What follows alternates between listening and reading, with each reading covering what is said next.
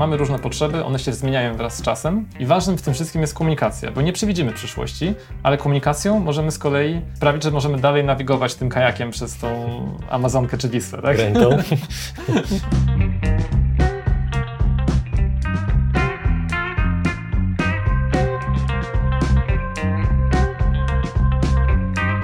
Witajcie na naszym kanale w kolejnym odcinku naszego Niemono Podcastu. Witają się z Wami Paulina, Adam i dzisiaj z nami jest Konrad.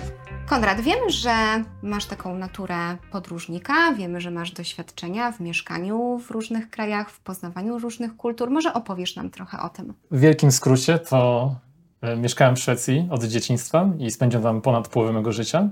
Poprzez studia miałem okazję mieszkać w Brazylii też trochę, też tam pracowałem później. Byłem nawet w relacji z Brazylijką. I gdzieś tam później w moim życiu to pojawiły się Chiny i mieszkałem w Chinach i tam też pracowałem jakiś czas, a resztę mojego życia to tak mniej więcej troszkę mniej niż połowę to spędziłem w Polsce właśnie. Wow, to kawał świata objechałeś. No, różne rzeczy się wiedziało, tak. Dokładnie. Czy masz różne doświadczenia w, w dosyć skrajnych kulturach? No bo tak Mm, chyba tak, tu mamy. Szwecja, Brazylia, Odległych różnych. odległych. Może nie skrajnych, ale rzeczywiście odległych, a na pewno geograficznie. Tak, tak. Mhm. Czy zauważyłeś jakieś e, różnice między tymi kulturami w zakresie podejścia do, do związków, do relacji międzyludzkich, tak ogólnie? Na pewno są duże różnice i myślę, że im dalej jesteśmy od naszego punktu referencyjnego, tym inaczej te wszystkie rzeczy mogą właśnie wyglądać. Punkt referencyjny, jak, jak to No rozumiesz? właśnie, do mnie jest ciężko zdefiniować, bo jestem takim polskim Szwedem trochę, więc jakby moim punktem referencyjnym powiedzmy jest jakaś wyspa na Bałtyku. Bornholm po prostu. Okej, ale jak, No tak. jaka ta wyspa na Bałtyku to by była bardziej polska, czy bardziej Szwecja? No właśnie myślę, nie że wiadomo. bardziej szwedzka jednak. Jeżeli musiałbym już przychylić się, to jednak troszkę bardziej, więcej tam jakby spędziłem czasu i bardziej tam jakby zaobserwowałem pewne idee, jak świat może wyglądać. Szwecja jest też bardzo różnorodna, ma dużo ludzi, którzy są spoza Szwecji, którzy tam mieszkają, jakby bardzo utożsamiają się z tą różnorodnością, która, która tam jest obecna. Który kraj Twoim zdaniem jest taki najdalszy od tego Twojego punktu referencyjnego? Albo najciekawszy? No to znowu zależy, ale jeżeli popatrzymy na na przykład relacje, to myślę, że Brazylia mnie bardzo dużo nauczyła, bo tam taka strefa komfortu osobistego jest jakby o wiele mniejsza, więc ludzie, kiedy rozmawiają ze sobą, to stoją bliżej siebie, jest więcej dotyku obecnego w tym wszystkim, ludzie są bardziej komfortowi też ze swoimi ciałami. Zupełnie normalną rzeczą jest objęcie kogoś, kogo poznajemy, na powiedzenie po prostu dzień dobry. No i tak samo na randkach w Brazylii to no, nie widzę, żeby jakkolwiek inaczej się przywitać niż właśnie się obejmując, a z kolei jak na przykład w Polsce randkuję, no to nie- czasami dostaję taką rękę wyciągniętą do siebie, która ten dystans jakby tak bardzo zaznacza i przez to też nie wiem, czy mam właśnie też najpierw rękę podać, czy najpierw mam właśnie objąć, ale moim takim domysłem jednak jest to objęcie, bo myślę, że ono jest takie bardziej naturalne, bardziej skracające dystans i uważam siebie właśnie jako osobę, która lubi skracać dystans. Okej, a w podejściu do, do związków, do, takiego, do takiej relacji partnerskiej już typowo, jak w tej Brazylii jest? Brazylia jest bardzo różnorodna. Tam jest wiele różnych kultur, wiele różnych wpływów. Masz wpływy afrykańskie, rdzenne i oczywiście te e, katolickie, białe, idące z Portugalii. Więc to wszystko jest tak ładnie wymieszane tam i przez to, że jest tak duża różnorodność, to jesteś w stanie zapoznać różnego rodzaju typy związków też właśnie. Na przykład w niektórych plemiach rdzennych to normalna jest poliamoria, e, w innych właśnie nie. I przez to, że jest taka duża mieszanka wszystkiego, to nie istnieją pewnego rodzaju oczywistości i wydaje mi się, że to prowadzi do tego, że ludzie są naturalnie bardziej otwarci na inność, co jest w takim kontraście trochę do krajów bardziej tradycyjnych czy bardziej homogenicznych. Ciekawa obserwacja. Ciekawa obserwacja, to jako, że to jest nasz niemono podcast, to może więcej nam powiesz o tej poliamorii w tej Brazylii. Mhm. Zetknąłeś się tam po raz pierwszy z takim pojęciem, takim terminem? Tak, więc jakby gdzieś tam przypuszczałem, że to istnieje, gdzieś tam to słyszałem, ale tak pierwszy najpierw zetknąć się, zetknąć się, to zetknąłem się, kiedy podróżowałem po Amazonce i byłem w domu mojej koleżanki, kolegi mojego. I ona opowiedziała mi o sytuacji jej rodziców, gdzie jej ojciec jest właśnie pochodzenia włoskiego, z São Paulo, dużego miasta, wpływy włoskie właśnie, e, religia katolicka, a jej mama z kolei, czyli jej taty, jest z jakiegoś plemienia rdzennego, która przyprowadziła się do miasta, miała tam 16 lat czy coś. I ona właśnie jest w takiej relacji poliamerycznej z nim i oczywiście z innymi osobami, a on jest z nią monogamiczny z kolei. Czy taki bardzo niesymetryczny? Tak, niesymetryczny, dokładnie. No i to też było takie otwierające umysł, że kurczę, takie coś istnieje, ja teraz jestem tak blisko tego, że jestem u kogoś takiego w domu w ogóle. Jakie to strasznie ciekawe było, strasznie inne właśnie. Okej, a rozmawiałeś jakoś z tymi ludźmi o tym ich związku? Znaczy z nimi nie, ale z nią rozmawiałem, Nie? z tą koleżanką. Mhm. Czułem się bardziej komfortowo jej zadawać pytanie niż tak, o słyszałem, że w ogóle ten, tak? E, nie, i ona tam mi opowiadała właśnie trochę że, o tej niesymetrii właśnie tego i że to tak tam działa i że o tym plemieniu jej mamy właśnie. I tak myślę, że dzisiaj, wiedząc to, co ja wiem, to bym zadał ciekawsze pytanie niż wtedy zadałem. Ale to było jakieś, nie wiem, 7 lat temu czy coś, więc A, muszę pamię- wrócić tam chyba. A pamiętasz, jak nazywało się to plemię? nie, niestety nie. Nie pamiętasz. Niestety nie, ale różne konfiguracje też istnieją takie związkowe w tych różnych plemionach właśnie. Starałeś się potem e, jakoś uzupełnić tą wiedzę właśnie odnośnie tych no, bardziej plemiennych e, koncepcji? Więc w zasadzie to tak, w pewnym sensie tak. Jestem bardzo ciekawy właśnie poznawania różnych paradygmatów myślenia i organizacji społecznych, więc y, taka moja naturalna ciekawość prowadzi do tego, że czytałem i też przebywałem z takimi plemionami. Taką, Przebywałeś? W sensie miałeś Tak, okazję tak, jakby oczywiście. funkcjonować? W Znaczy takim... parę dni tak, żeby właśnie Okej. zadać jakieś pytania i to nie, w ogóle nie, nie związane właśnie z niemonogamią. Ale na przykład zauważyłem, jak inaczej podchodzą do dzieci, że właśnie w takich plemionach, gdzie właśnie czasami może być ta poligamia lub nie, poliamoria lub nie, to dzieci należą jakby do całej społeczności, niezależnie od tego właśnie. Czy tak, Podczas taki model polski jest to, że dziecko należy do rodziców, a w Szwecji z kolei dziecko należy do systemu, że tak powiem. Mhm. Więc to takie bardzo różne modele organizacji społeczeństwa i podejścia właśnie do dzieci. Ciekawe. Czyli tak jak to Majka Jeżowska śpiewała, wszystkie dzieci nasze są. To tam to się realizuje. No i Również łatwiej jest to w mniejszych plemionach właśnie, że wszyscy równocześnie pilnują ich i Jasne. dbają o nie. Tak sobie myślę, że zapewne ta różnorodność kulturowa, jakiej doświadczyłeś, czegoś cię nauczyła odnośnie związków, odnośnie tworzenia relacji. Tak, no na pewno, że nie wszystko zawsze musi wyglądać tak, jak wygląda w naszym punkcie referencyjnym, prawda? Mhm. Tylko, że rzeczy mogą być bardzo różne Mhm. w bardzo różnych miejscach i że coś, co dla nas się wydaje nie do pomyślenia, to gdzieś indziej może być zupełną normą właśnie. I to czuję takie doświadczenie, które bardzo otwiera jednak i sprawia, że jesteś, jestem przynajmniej ja dzięki temu bardziej otwarty na różne różności. Po tym, co opowiedziałeś nam o, o swoich e, no, wyprawie, wyprawach, jakoś to troszeczkę otworzyło twój, twoje spojrzenie na, na relacje. E, No i teraz, czy w jaki sposób, jak to wyglądało, e, no, zacząłeś funkcjonować w tego typu bardziej rozszerzonych relacjach niż monogamicznych, bo rozumiem, że no, spotykamy się dlatego, że, że masz na ten temat po prostu swoją historię, jak ona Mhm. się zaczęła. No właśnie, też jakby nie do końca tak się etyk- etykietuję z tym, ale czuję się tak blisko, jakby podszedłem krawędzi tego, Mhm. o czym właśnie rzeczywiście mówisz. No ale miałem dosyć standardową relację, która zaczęła się przez Tindera z Chinką, do której, którą możemy nazwać Chin.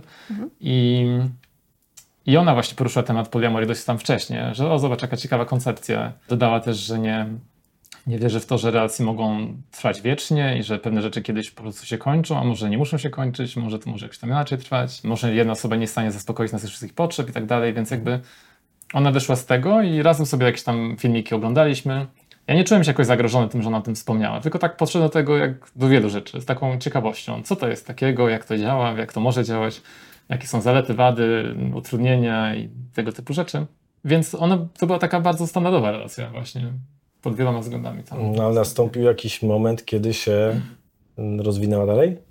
Bardziej otworzyła ta relacja? Tak, trochę tak, zamknęła się z jednej strony, z drugiej nie, więc jakby nietypowość tej sytuacji polega na tym, że, że ona się zakończyła ta relacja właśnie i w Okej. czasie tego zakończenia to była jakaś taka wspólna nasza próba, żeby powrócić do siebie, bo tam sobie przemyśleliśmy jakieś rzeczy, poczuliśmy, że a może da się z tym popracować i tak dalej, więc była taka próba ratowania tego, ale ona jednocześnie poznała kogoś, mieszkała z tą nową osobą, a jednocześnie rozmawialiśmy o naszej relacji Ale wracając tutaj jeszcze tak do początku, powiedziałeś, że ta Shin y, jakoś była zainteresowana tematem tej poliamorii.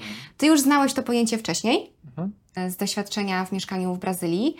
Pomyślałeś wtedy, że to może być pomysł dla ciebie, że może wy stworzylibyście taki związek, albo ty byś chciał? Wtedy jakoś tak bardziej zastanowiłeś się nad tym, że to może być twoja droga życia, czy, czy nie? Czy po prostu tak podszedłeś na zasadzie, o to jest ciekawe, można się temu przyjrzeć, ale niekoniecznie dla mnie to jest. No właśnie to drugie, bo też nie postanowiliśmy nic takiego, że to jest ta, forma, w jakiej chcemy iść i też tak, to była bardziej takie ciekawość taka. Tam właśnie w tej relacji było fajne to, że można było wszystkim rozmawiać, różnego rodzaju tabu i nikt się nie czuł zagrożony przez to, że ktoś wrzuca jakiś temat i go grilluje z różnych stron po prostu. Em, więc to raczej było to drugie właśnie. Mhm. Kiedy ta relacja się z Shin skończyła, Mhm. bo rozumiem, jak się skończyła, to stwierdziliście, że nie chcecie zrywać kontaktu ze sobą. No, to dosyć turbulentny okres był. Jak przybliżę trochę tą historię, to było tak, że no, czułem się dosyć zagrożony tym, że pojawi się ktoś nowy, bo jakby wtedy zmierzyłem się z tym, że kurczę, mogę ją stracić teraz jakoś tak bezpowrotnie czy coś i łatwo jest sobie też katastrofizować czasami takie rzeczy. Ale ona bardzo tak konsystentnie zawsze była dostępna no, o tym, żeby rozmawiać. Nie to, że my do siebie wracamy, ale o tym, żeby w ogóle rozmawiać właśnie. Mhm. I to dawało takie duże bezpieczeństwo w tym wszystkim. Koniec końców to poczułem w pewnym momencie, że muszę się troszeczkę odizolować od tego, więc taki dystans zrobiłem. Ona wtedy powiedziała, że, że okej, tam rozumiem, że potrzebujesz czasu, ale jak kiedyś coś tam zmienić zdanie, to zawsze tutaj jakby będę. Wiesz, gdzie mnie znaleźć. Więc okej, poleciałem wtedy właśnie gdzieś indziej, do Lizbony, żeby odciąć się od też miejsca, gdzie, gdzie tam byliśmy wcześniej. Jakiś czas później to ona się rozstała z tym facetem, też poleciała do Lizbony, jego też spotkałem w Lizbonie. I sobie tak we trójkę chodziliśmy na różnego rodzaju wydarzenia tam. Ale jako znajomi, przyjaciele? No właśnie. Właśnie, tak nie jestem fanem etykietowania, to nie wiem jak to nawet nazwać tak do końca. Ty rozumiem. A czemu nie jesteś fanem etykietowania? Jest to takie uproszczenie tego, co czujemy i co myślimy.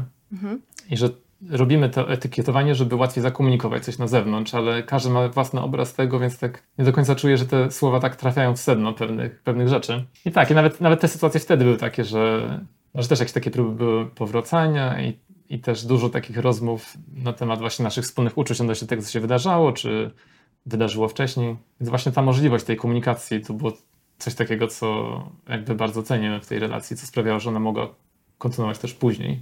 Mówisz, że ciężko to zetykietować, nazwać, tak, opisać, no ale jak e, pomyślałbyś o swoich emocjach w stosunku do niej, Mhm. tak po prostu, to może pomóc w jakimś, wiesz, określeniu tej. Niekoniecznie musimy wrzucać to do jakiejś Mhm. szufladki, tak?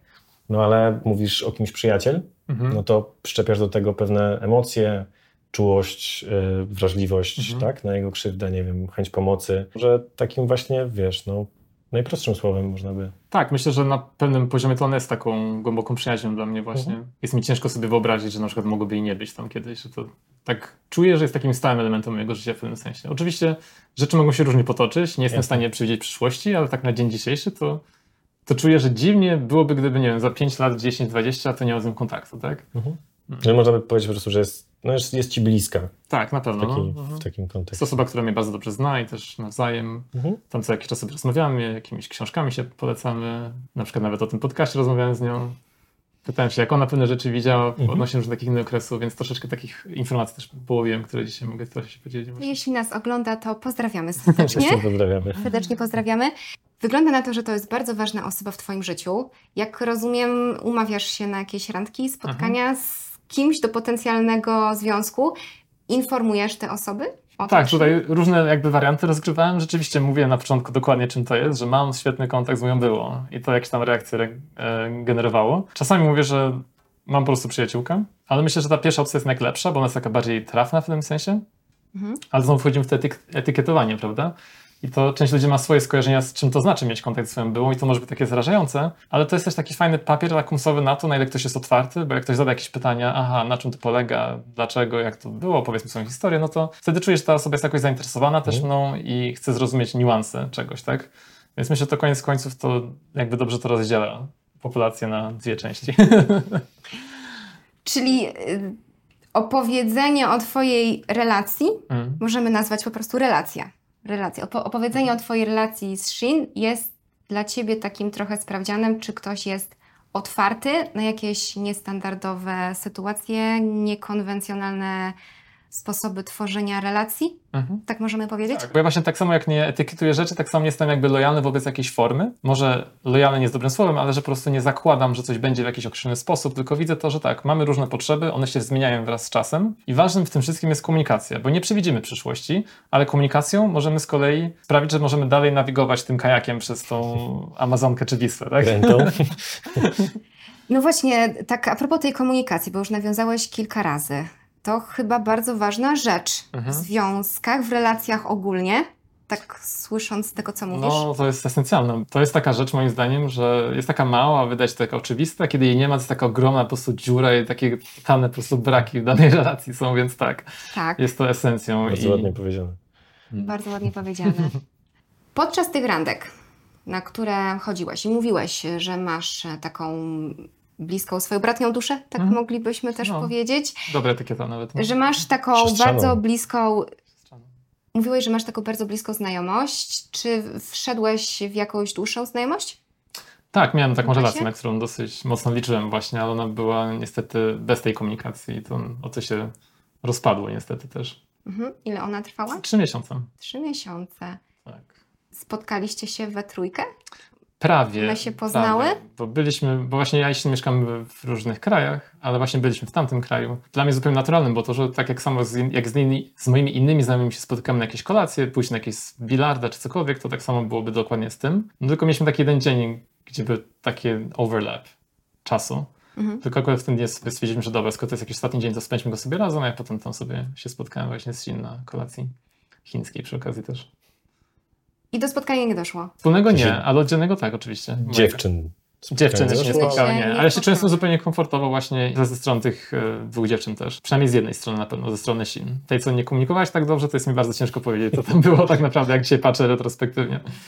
Tutaj masz taki kontrast. Bardzo dobra jakość komunikacji z Shin, niezależnie od tego, jaka relacja Was łączyła. Mhm. I brak komunikacji z tą dziewczyną to była Polka? Tak, to była Tak? Polka. No. Brak e, komunikacji z tą Polką, z którą byłeś przez tych kilka miesięcy. Mhm. Nie wiadomo też, dlaczego ona to- zakończyła tę znajomość. Jest to dla mnie takie niejasne, bo bardzo unikała rozmów na ten temat Mhm. nawet. Nawet jak już podjęliśmy tę decyzję, to nie było tego, że dobra, usiądźmy, zrozummy dokładnie, co zaszło takiego, tylko takie bardzo unikanie jak ognia wręcz rozmów o związku właśnie i to jest takie coś, co jest bardzo w dużym kontraście do tego, co miałem wcześniej i co jakby oczekuję też od relacji dzisiaj. Myślisz, że ona mogła tak wycofać się z uwagi na Shin, czy nie? Ciężko jest mi to wyobrazić, bo w żaden sposób obecność, a nawet jej brak obecności, dlatego że ona mieszka w innym kraju, znaczy nie widzę, żeby to jakokolwiek wpływało na tę relację, bo to nigdy nie było tak, że kosztem istnienia Sin nie spotykałem się z nią albo coś takiego. Tylko mój kontakt z Sin, jak jest taki na dystans, to on kontynuuje przez właśnie internet, jakieś tam rozmowy raz na jakiś czas. Wygląda to jak po prostu taka zwykła przyjaźń nic poza tym jakby, tak? Wygląda jak zwykła przyjaźń, to dlaczego Jest niezwykła? Dlaczego w takim razie, skoro jest to zwykła przyjaźń, Mhm. czujecie potrzebę i ty i ona, z Mhm. tego co mówisz, komunikować o tym osobom, z którym się umawiacie na randkę? No, to jest dobre pytanie. Ja w ogóle lubię się dzielić swoim życiem, a ona jest jak- jakąś częścią tak samo mojej historii związkowej, jak i historii niezwiązkowej właśnie. Naturalne jest to, że to wspomnę, ale nie jest też tak, że pierwsza rzecz, jaką mówię, to w ogóle cześć, jestem Konrad i wtedy Coffee w Clayton. No właśnie, Ale kie- to się naturalnie pojawia, bo jakby nie widzę to jako coś dziwnego, jakieś tabu też nawet. I tak jak mówiłem wcześniej, to jest to świetny papier lakmusowy na to, czy ktoś jest w stanie zrozumieć, że życie różnymi ścieżkami idzie. Ja też nie założyłem kiedyś, że będę miał świetny kontakt z nią na przykład. Kiedyś to w ogóle Mhm. czułem, że jak się za- kończymy relację, to trzeba ją uciąć i już jakby nigdy więcej nie rozmawiać, tak? Raczej nie szedłem w tą stronę, ale czułem tak jakby z zewnątrz takie coś, że tak to powinno wyglądać, bo dużo ludzi tak jednak robi. Ale myślę, że jednak takim ładnym jest to, że tak, no coś tam się skończyło, ale coś innego może kontynuować się z tego. No bo koniec końców to, jeżeli jest się z kimś, no to jakąś tam relację się ma i jest szkoda jakby porzucić to. Tym bardziej, że nie wiem, przynajmniej ja nie opływam w jakichś luksusach bliskich relacji z ludźmi i mogę sobie pozwolić na takie proste wymienianie tych ludzi. Więc bardzo doc- doceniam to, kiedy ktoś zarówno chciał być ze mną kiedyś i miał tą bliską relację ze mną, jak i jeżeli chce ją dalej mieć. Więc to jest coś, co bardzo sobie cenię. Czyli takie głębsze więzi emocjonalne są dla ciebie bardzo Tak. cenne. A z jakimi reakcjami się spotykałeś na tych randkach, jak mówiłeś, że masz taką bardzo bliską Mhm. Osobę, powiedzmy, taką bardzo bliską osobę Tak, w swoim to- życiu? To były bardziej takie na zasadzie zaciekawienia, Cały wachlarz rzeczy. za, za, zagrożeniem to było? No nie wiem, jak to nawet sklasyfikować, ale część ludzi faktycznie wyjawia zaciekawienie i Mhm. pytała o to, jak, dlaczego. Spotkałem się z jakąś jedną reakcją, że mam coś nieprzepracowanego i, i dostałem diagnozę po prostu psychoterapeutyczną i też na aplikacji tam się spotkaliśmy. Super. Te, było też i to, ale to jakby dla mnie jest taki sygnał, że dobra, no to Chyba nie. dziękuję, chyba nie. Znaczy, ja tak sobie myślę, że jeśli ktoś tak utrzymuje taką bliską znajomość z osobą, którą był, to faktycznie może być to tak odebrane, że jeszcze nie rozstał się, nie zakończył tamtego związku, nie ma przepracowanego rozstania. Może jest coś takiego domyślnie, że powinno się, tak, faktycznie tak jak ty miałeś wcześniej, że powinno się odciąć, zakończyć? No wydaje mi się, że to troszeczkę może wynikać z tej e, też w pewien sposób chyba zakorzenionej gdzieś tam głęboko, przynajmniej w naszym kręgu kul- kulturowym, no współcześnie w naszym kręgu kulturowym myśli, że można darzyć uczuciem romantycznym tylko jedną osobę. Mhm. Więc jeżeli jesteś z kimś, oczywiście popraw mnie, jeśli się mylę, ale jeśli jesteś z kimś blisko i to jest naprawdę taka bardzo mocno głęboka przyjaźń, tak? No to osoba, z którą ma się inną relację, bardziej romantyczną, może się czuć tym zagrożona, no bo to się nie wpisuje w ten Nie obrazek, wpisuje się w że obrazek, ten, ta relacja taka najważniejsza i najgłębsza może być tylko jedna. szczególnie jeśli to jest osoba, z którą się taką relację romantyczną miało. Mhm. No właśnie. Ja myślę, że też etykiety trochę przeszkadzają właśnie. Bo gdybym powiedział, że Mhm. przyjaciółka, no to to byłoby łatwiejsze do przejścia. No tak. właśnie. I nie byłoby słowa nieprzepracowane Dokładnie. i tak dalej, prawda? Więc jakby, Była? Hmm. Więc jakby Chociaż- dokładnie, to jest nagle jest zupełnie inna- kategoria człowieka, tak? Jakby to nie widzi się osoby tym, kim jest tym wszystkim, nie? Ja tak sobie myślę, że słowo przyjaciółka Mhm. też może już budzić zagrożenie. Mhm. No bo przyjaciółka, kto to jest przyjaciółka? To jest osoba, z którą się jest blisko, z którą się dużo rozmawia, z którą się dzieli różnymi rzeczami. Jeśli ktoś by chciał taką intymność e, w sensie rozmów, Mhm. tematu, nie chodzi mi o intymność fizyczną, tylko intymność taką psychiczną, mieć zarezerwowaną do relacji jednej tylko, to samo słowo przyjaciółka też może być zagrażające. Tak, i też koleżanka może być zagrażająca, zależy od tego, jaki jest twój stopień takiej pewności siebie w ogóle, nie? No zauważcie, że był taki moment, kiedy jak się mówiło, że nie wiem, czy dalej tak to funkcjonuje, że jeżeli jakiś mężczyzna ma przyjaciela, Mm. no to Mhm. to był taki zaewoluowany, trudne słowo, sposób na no, pokazanie Aha. relacji No homoseksualnej, nie? Możecie nam napisać w komentarzach, czy spotykacie się z, taką, z takim określeniem jeszcze teraz, czy to już się troszeczkę znormalizowało Mhm. e, i raczej jest bardziej otwarte, nie trzeba ukrywać tego pod jakimiś dodatkowymi takimi e, etykietami. Ogólnie możecie nam dać znać, czy jeśli mężczyzna ma przyjaciela, to jest w jakiś sposób zagrażające i czy to ma jakieś drugie dno. I tak samo, czy jeśli kobieta ma przyjaciela, albo jeśli mężczyzna ma przyjaciółkę, albo jeśli kobieta lesbijka ma inną przyjaciółkę, czy to jest zagrażające dla związku romantycznego, czy to nie jest zagrażające, co uważacie, dajcie nam znać w komentarzach.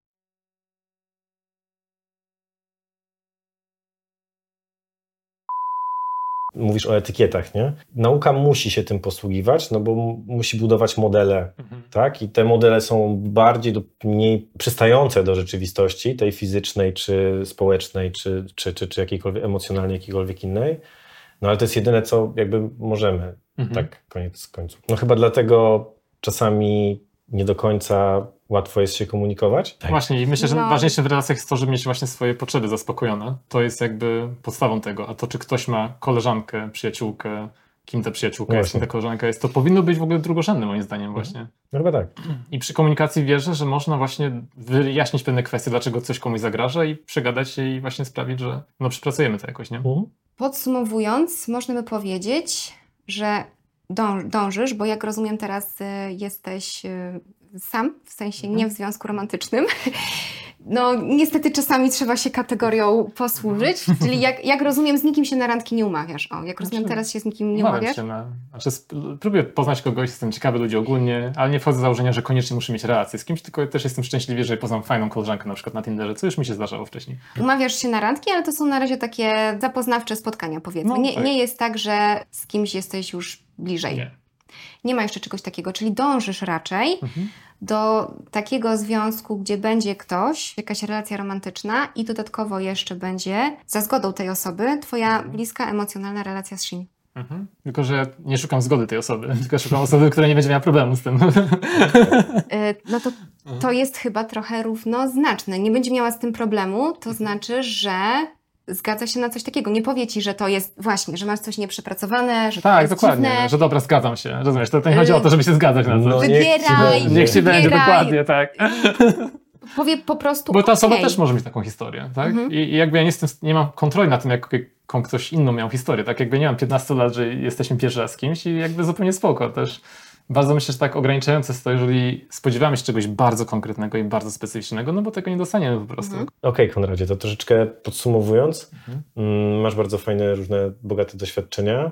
E, Co wyniosłeś z tej relacji z Shin, o której nam Mhm. opowiedziałeś? No to wraz z skończeniem tej relacji z Sin, to ja czuję, że wyniosłem ją z tego tak naprawdę, że, że dalej jakby tam jakoś funkcjonujemy właśnie razem jako przyjaciele. To, że jak ważna jest komunikacja na takim po prostu żywym przykładzie, jak to właśnie cementuje relacje, sprawia, że jest, czujemy się bardziej bezpiecznie, jesteśmy bardziej otwarci na podzielenie się różnymi rzeczami, które w nas tkwią. Tak jak ona na przykład z tą poliamorią, kiedy wyszła na bardzo wcześnie z czymś takim, że to jest coś, co się zastanawiała, niezależnie od tego, czy taką relację mieliśmy, czy nie. Ja gdzieś coś sobie zapisałem, chyba trzy punkty były. Trzecią rzeczą to jest to, że nie ma chyba co zakładać na początku, czy ta relacja będzie taka, czy taka, bo po prostu tego nie wiemy. Relacja to jest taka gra improwizacyjna, myślę, gdzie dużo rzeczy wychodzi w praniu. Mhm. Czuję, że jest, mam dosyć takie agnostyczne podejście do, do formy związku i ważniejszym dla mnie jest to, żeby właśnie mieć głęboką relację z kimś, a to w jaki sposób ona jest, to jest tam gdzieś drugorzędne dopiero dla mnie. Cytując troszeczkę klasykę filmową, że związki są jak pudełko czekoladek.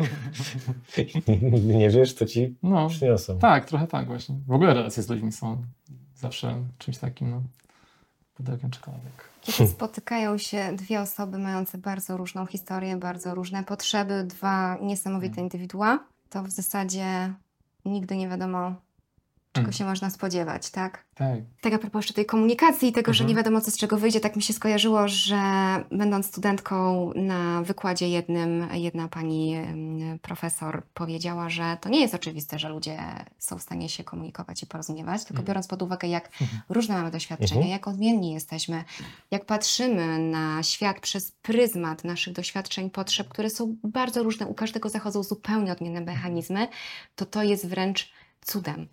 Że się jesteśmy w stanie pewne z tych komunikować. są bardziej lub nieświadome też, Tak. co jeszcze utrudnia dodatkowo to. Dokładnie. Czyli ty, Konradzie, jesteś bardzo za nieetykietowaniem. Mhm. Dajcie nam znać w komentarzach, jak wy uważacie, czy zawsze trzeba określać, co to jest za relacja, Mhm. czy to jest y, koleżeńska, czy przyjacielska, czy to jest y, związek, czy to jest zaangażowany związek, czy to jest luźny związek. Jak to Czy- jest u was? Czy wasi partnerzy tego na przykład od was wymagają? O, właśnie. No to jest ciekawe, nie? Czy ktoś, jakby ty nie masz potrzeby, okej, ale może twój partner, twoja partnerka, no dobra, dobra, ale to poszliście na kawę, no i to znaczy, że kto to dla ciebie jest? Myślę, że fajnie jest porozmawiać o granicach samych w sobie, prawda? To jest taki dobry temat do mówienia. Komunikacja jest wręcz cudem. Mhm. To jest cudem, że ludzie się są w stanie porozumieć, biorąc pod uwagę to, jak są różni. Mhm. Że formułując myśl, ta druga osoba musi ją odczytać, jeśli mamy się komunikować, tak jak my byśmy chcieli. Trzeba umieć wejść w czyjeś buty troszeczkę i zrozumieć intencję, ale jak się nie jest pewnym, to zapytać się o to. A No dużo błędów polega na tym, żeby zakładamy, że to jest jakaś intencja. Tak. Ale to Nie? chyba intencja to nawet jedno. E, Drugie to w ogóle same desygnaty do pojęć są problematyczne. Mhm. Zobaczcie, co nam się pojawiło, jak rozmawialiśmy o tym przyjacielu, przyjaciółce, tak? Tak, tak, Mhm. One się zmieniają kulturowo. Mm. Friend Mogą- po angielsku. Dokładnie, też Nie? jest zupełnie czymś innym Tak. niż, niż przyjaciel. Po polsku, no. Niż przyjaciel po polsku, tak. No dobrze, Konradzie. Dziękuję Ci, że nas odwiedziłeś. Dziękuję też. E, Tak. Bardzo fajnie było mm, usłyszeć tą całą Twoją historię. Myślę, że może nam się uda jeszcze e, spotkać i porozmawiać bardziej o Azji Mhm.